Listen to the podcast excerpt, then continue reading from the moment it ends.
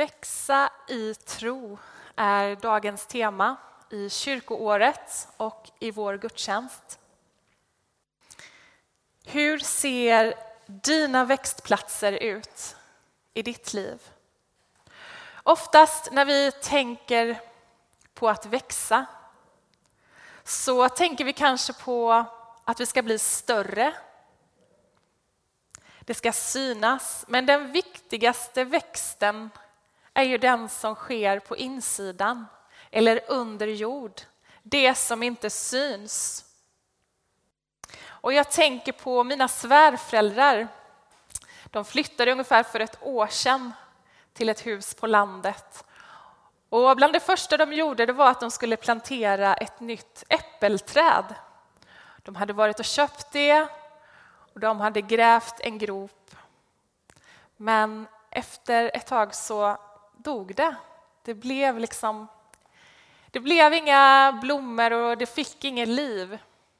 Så satt vi där och funderade på det, vad det berodde på.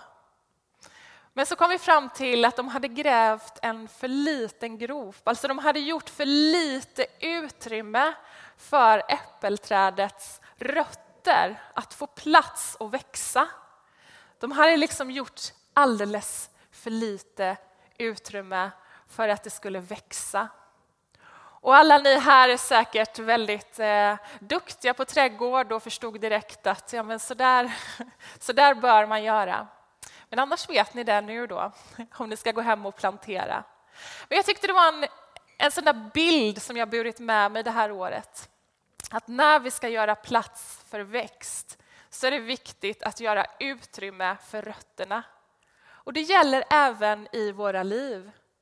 Att vi behöver göra utrymme för att växa. Och jag tänker att vi växer på lite olika sätt.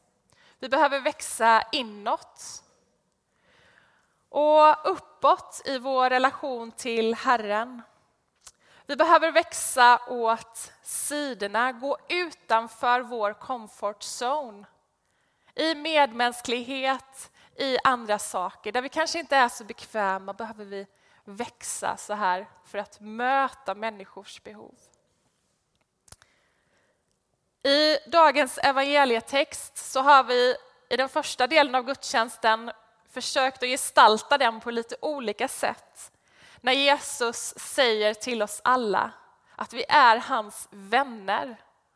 Han kallar oss inte längre tjänare, utan vi är hans vänner. Nattvarden är en tydlig inbjudan till en relation med Jesus. Att vi får vara hans vänner. Att vi är bjudna till hans bord. Och nattvarden är en plats där vi får växa i tro.